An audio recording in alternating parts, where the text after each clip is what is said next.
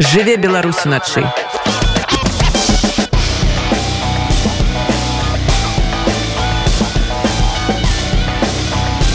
беларускія ноцы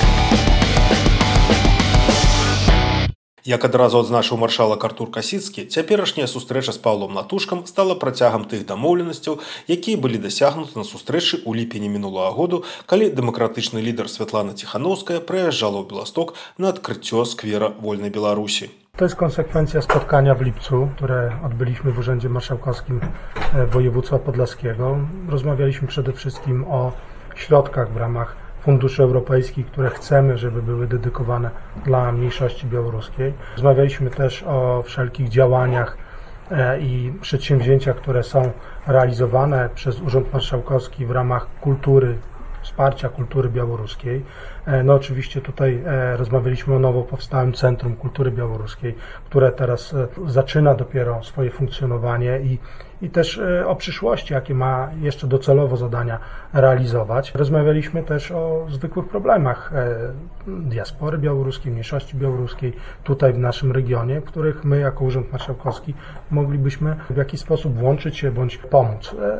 E, skończyło się też tą taką deklaracją spotkania z mniejszością białoruską, tak żeby można było osobiście usłyszeć, jakie jeszcze mamy kwestie, w których moglibyśmy tutaj wesprzeć te osoby, czy, czy jakie mamy działania, czy przedsięwzięcia podjąć. Самае галоўнае, што было зроблена за прайшоўшае паўгода, гэта прыняццё рашэння аб стварэнні і выдзяленні трох мільёнаў бюджэтных злотых на функцыянаванне на падляшшы цэнтра беларускай культуры.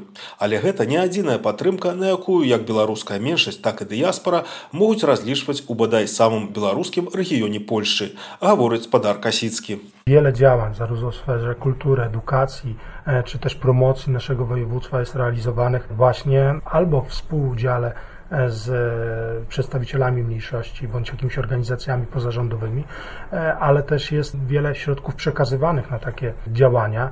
Liczby są naprawdę niewspółmierne do tych, które były jeszcze 4-5 lat temu. Także tutaj no, na co mogę liczyć? Na wszystko, co potrzeba. Tego przykładem jest choćby Centrum Kultury Białoruskiej. Instytucja, o którą środowisko zabiegało 30 lat. W mojej ocenie udało się zrobić i zinstytucjalizować praktycznie w ciągu sześciu miesięcy. E, oczywiście zaczęło się od spotkania z panem prezydentem Dudą e, ze mniejszościami w Bielsku Podlaskim, kiedy ten temat pierwszy się pojawił, pierwszy raz się pojawił. Później już e, żeśmy dyskutowali tu na naszym poziomie z radnymi e, i cały czas też e, myślimy, jak rozszerzyć działalność tego centrum, e, bo pojawiają się nowe pomysły, choćby tak jak z dzisiejszego spotkania, żeby stworzyć stypendia dla takich osób uzdolnionych takie cykliczne, coroczne stypendia na wsparcie, bo wiele osób z diaspory białoruskiej funkcjonuje po Polsce, takie stypendia ma się. Okazuje, że w naszym województwie podlaskim, w mieście Białystok takiego działania nie ma. E, I taki pomysł choćby dzisiaj się pojawił, który już będzie w jakiś sposób e, ubierany w ramy prawne, bo poleciłem panu dyrektorowi, żeby już przygotował stosowny projekt. Oczywiście to, o czym e, tutaj zostało powiedziane, też kwestia związana z przedsiębiorcami, tak żeby można było to umieścić jako odrębny panel, ale e, w ramach naszego forum ekonomicznego, które będziemy na jesieni e, realizowali, żeby poświęcić właśnie panel, który będzie mm, e, odpowiedzią na te pytania środowiska przedsiębiorców, którzy tutaj prowadzą swoje biznesy, najczęściej te mikroprzedsiębiorstwa, ale też i dedykowane wydarzenie, które myślę zorganizuje Urząd Marszałkowski, bo to będzie najłatwiejsze i, i chyba najbardziej efektywne do tego, żeby odpowiedzieć na te wszystkie pytania partnerów z Białorusi, e, jak mają funkcjonować tutaj, jak mają się odnaleźć na tym naszym rynku e, i ewentualnie co jeszcze można zrobić, żeby uprościć tą formę działalności. Як распавёў журналістам Павел Латушка, па апошніх статыстычных даных у Польшы жывуць ужо каля 250 тысяч беларусаў. З іх 110 тысяч працуюць на падставе разнастайных працоўных дамоў. Тут жа знаходзіцца 26 тысяч дзяцей, якія разам з бацькамі пераехалі з Беларусі. Польша для нас з'яўляецца галоўным партнёрам для дэмакратычных сілаў Беларусі ў сувязі з драматычнай сітуацыяй, якая ёсць у Беларусі. Шмат беларусаў пакінула э, сваю радзіму і зараз пражывае ў Польшы. апошні дадзены на які мы атрымалі на сустрэчу ў міністэрстве ўнутраных справ адміністрацыі Польшы гэта каля 250 тысяч беларусаў які вымушаны былі пакінуць Беларусь. Найбольшая колькасць беларусаў пражывае ў воеводстве мазавецкім другая воеводства воеводства падляска. Але мы таксама ж ведаем што ў падляскім воеводстве пражывае вялікая беларуская этнічная меншасць. Таму пытанне і беларусаў якія тут заўсёды жылі і пытанне беларусаў якія апынуліся волею лёсу гэта галоўная тэматыка. Сярод іх які мы будзем абмяркоўваць заўтра гэта легалізацыя беларусаў. Шмат з гэтага вынікае праблему. Хаця польша стараецца рабіць максімальна ўсё дзеля таго каб беларусы тут чуліся добра. Я думаю што нават трэба аддаць належнае што польша з'яўляецца лідарам сярод краінаў еўрапейскага саюза па менавіта стварэнню магчымасцяў варункаў для жыцця беларусаў. Мы абмяркоўвалі тэматыку падтрымкі беларускай мовы культуры.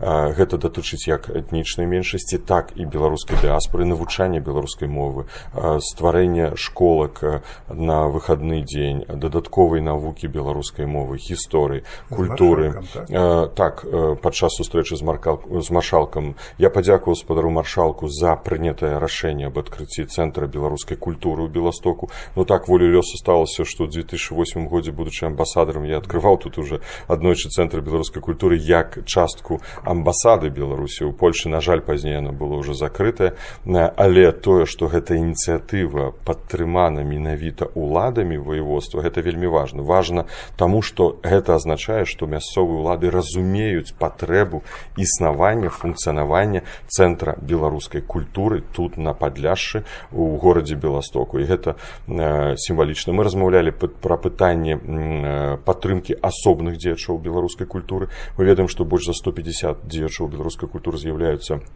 палізняволенымі шмат хто пакінуў беларусі знаходіцца тут у польльшы магчыма аб уфандаванні стыпендый для выбітных дзеячоў беларускай культуры якія пражываюць таксама у беластоку і атрымалі пазітыўную рэакцыю спадара маршалка. Размаўлялі пра пытанні гаспадарчага характару бо 6988 прадпрыемстваў створана ў польшчы з удзелам беларускіх кампаній альбо грамадзянаў беларусі. Там гэта азначае што ў іх ёсць беларускі капітал сярод іх 731 дзейнічае на тэрыторыі падляска ваеводства і гэта ўжо другая па колькасці ваеводства дзе дзейнічае беларускі бізнес гэта 12 адсоткаў таму мы прапанавалі арганізаваць канферэнцыю з удзелам ваеводств прыгранічных дзеля таго каб меркаваць усе праблемы звязаныя з легалізацыяй дзейнасці беларускіх прадпрымальнікаў з легалізацыяй перанясення капіталу з банкаўскай падтрымкай іншымі пытаннямі. І я атрымаў таксама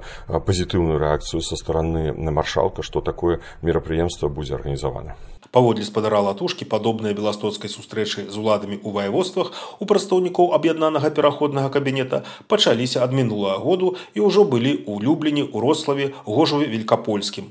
Гэта дазваляе пашырыць веды палякаў аб тым, што сёння дзеецца ў Беларусі, а таксама перадаць мясцовым уладам тыя пытанні і праблемы, якія стаяць перад беларусамі ў Польшчы. Жыве беларусы начы.